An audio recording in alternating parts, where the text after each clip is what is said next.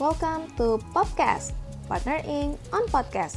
Saat ini, partner sedang mendengarkan podcast series Your Personal Growth. Happy learning with Partner Inc. Partner Inc. Your Learning Partner.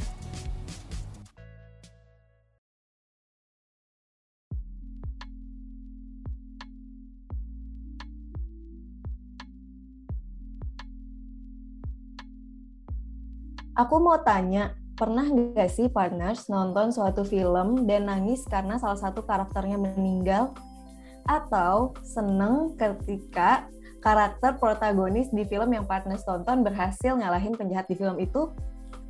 Kalau pernah, perasaan yang partners rasain itu adalah empati. Dan pas banget nih hari ini kita bakal mempelajari empati. Halo, semoga partner selalu dalam keadaan sehat dan bersemangat ya. Perkenalkan, aku Diva yang akan menjadi teman bicara hari ini. Saat ini aku sedang menjadi junior HR consultant di Partner Inc. Dan hari ini aku akan ditemenin nih sama podcaster yang kedua. Boleh silahkan kenalan dulu?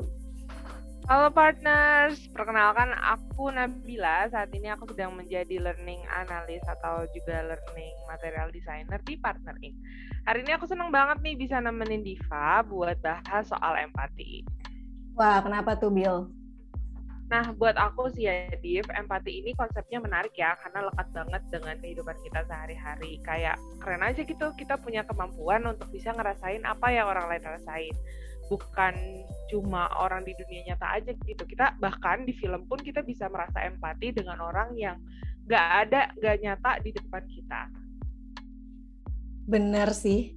Buat aku nih ya yang suka nonton Korean drama gitu aku tuh sering banget uh, kayak nangis gitu loh ketika ngeliat uh, pemeran utamanya tuh sedih atau dia lagi terharu gitu.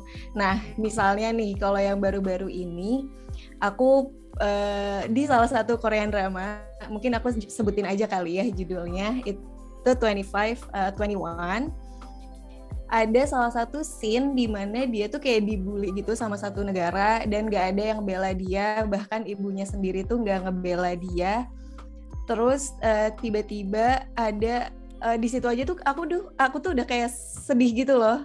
Terus uh, tiba-tiba ada stranger yang mungkin dia sama sekali nggak expect.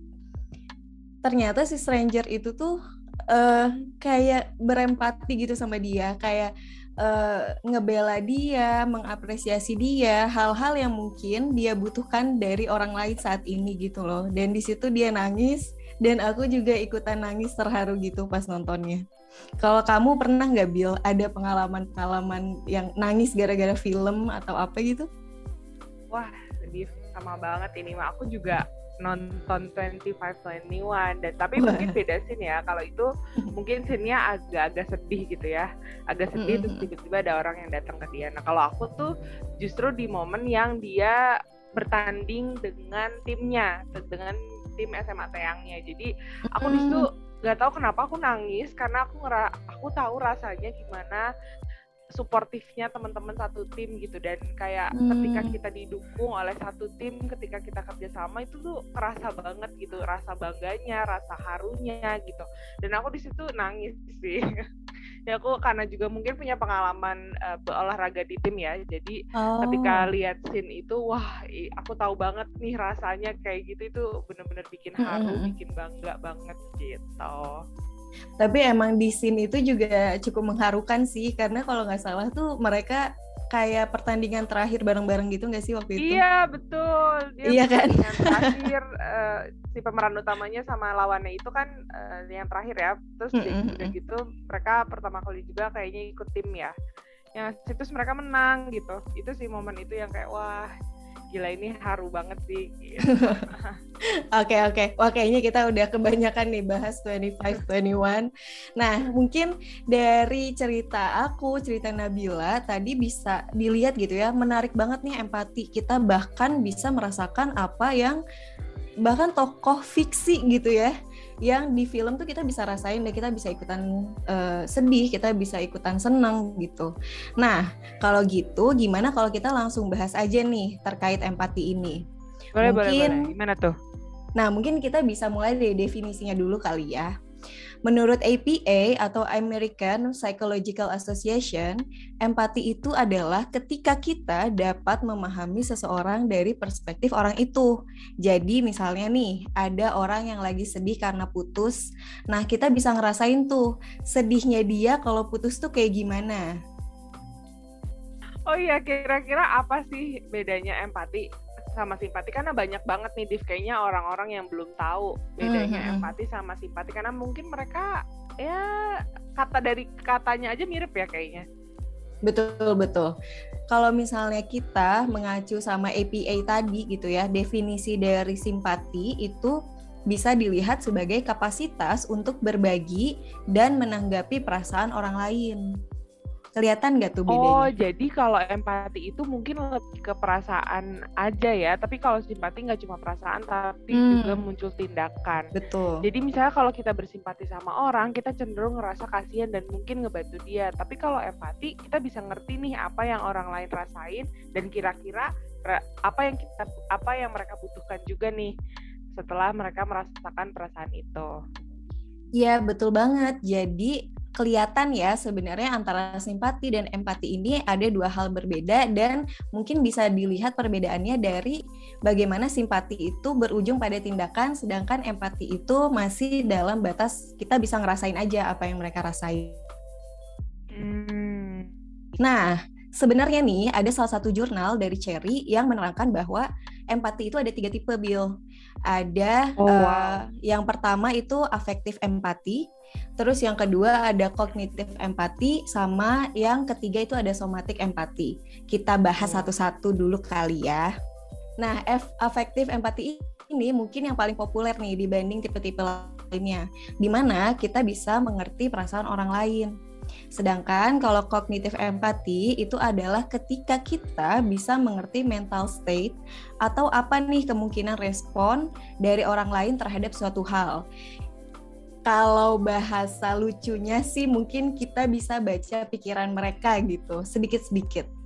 Nah, yang ketiga itu somatic empathy ketika kita secara fisik bisa merasakan apa yang orang lain rasakan. Contohnya nih, ketika misalnya kamu nervous atau kamu panik terhadap suatu kondisi, aku ikutan sakit perut gitu kayak kamu gitu.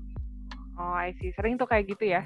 Suka ikutan sakit perut padahal bukan kita nih yang ngerasain. Uh, gitu. Menarik menarik. Nah aku jadi punya pertanyaan sih kira-kira nih menurut kamu ada nggak sih manfaat bagi diri kita ketika kita melatih empati kita sendiri? Hmm, apa ya kira-kira? Mungkin ya empati itu bisa ngebantu kita untuk makin deket kali ya secara personal sama orang lain karena dengan kita berempati, kita jadi bisa lebih mengerti mereka kan.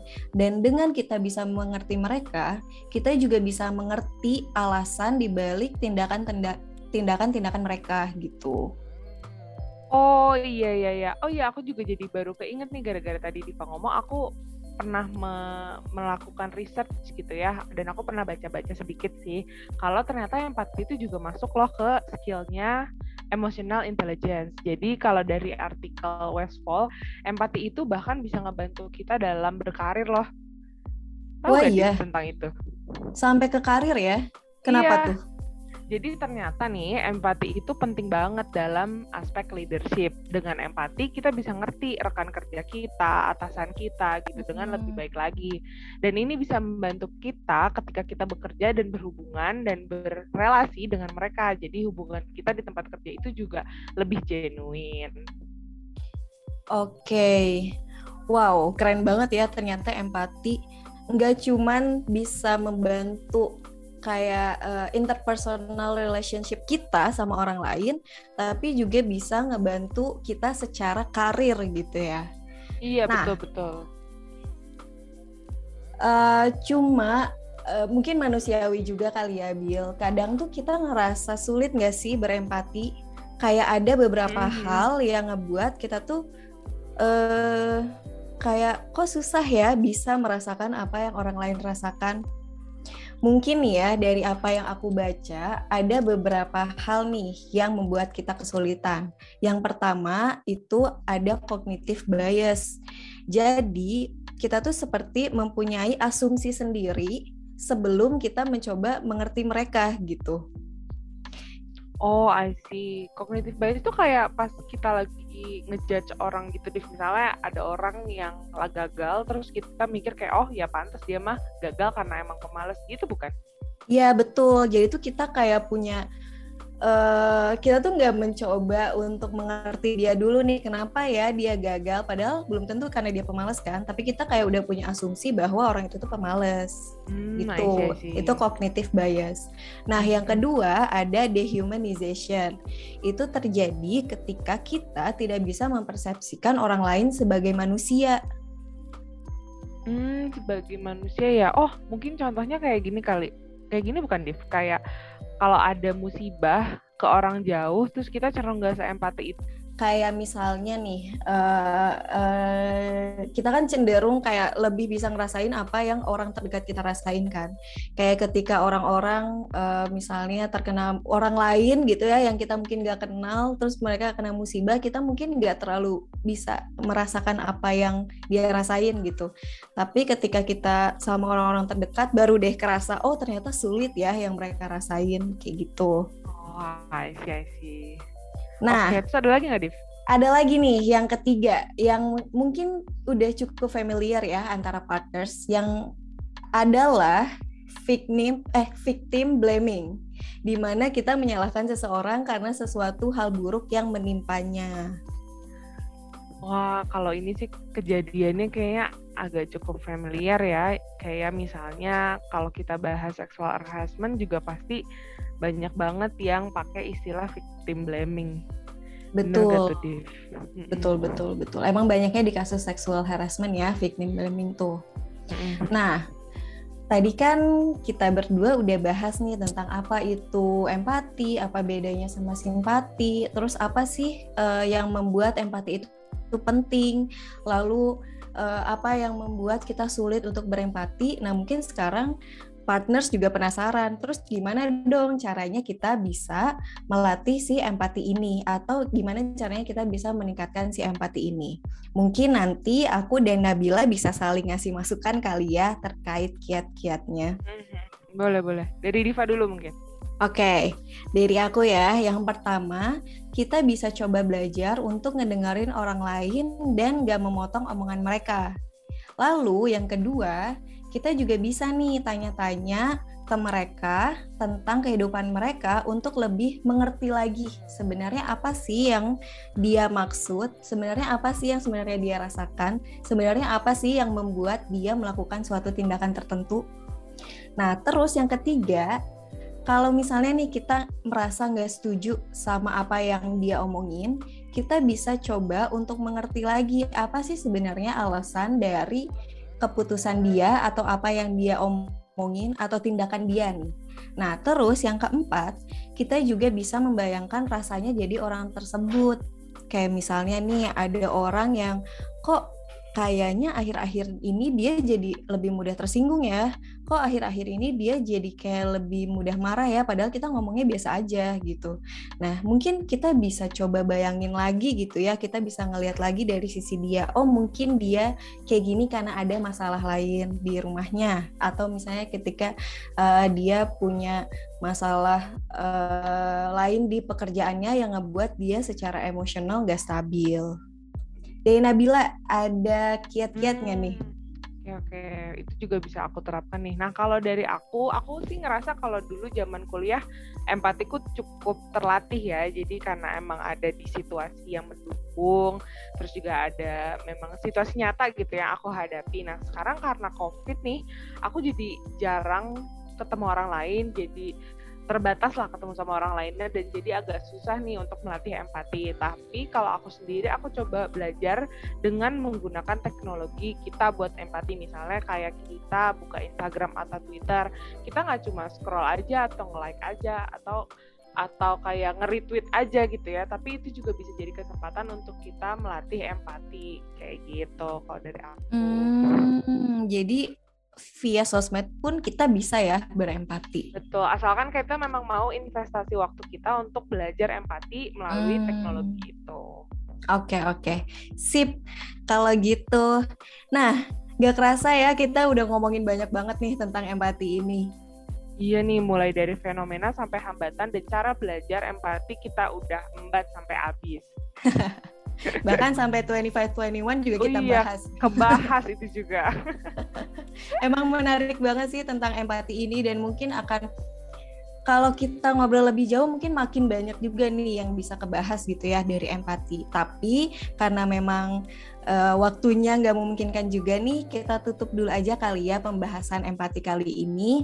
Nah, semoga pembahasan kita hari ini bermanfaat juga untuk partners maupun aku dan Nabila sebagai orang yang membahas hari ini gitu. Nah, terima kasih partners sudah ngedengerin. Sampai bertemu di episode berikutnya.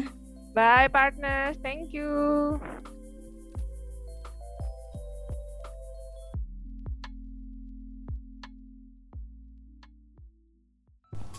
Terima kasih karena telah mendengarkan Partner Inc. on podcast kali ini. Keep update dengan episode-episode terbaru podcast di Spotify, Google Cast, dan Apple Podcast. Dan follow media sosial kami dan kunjungi website Partner Inc. di www.partnerinc.id. With Partner Inc., keep learning.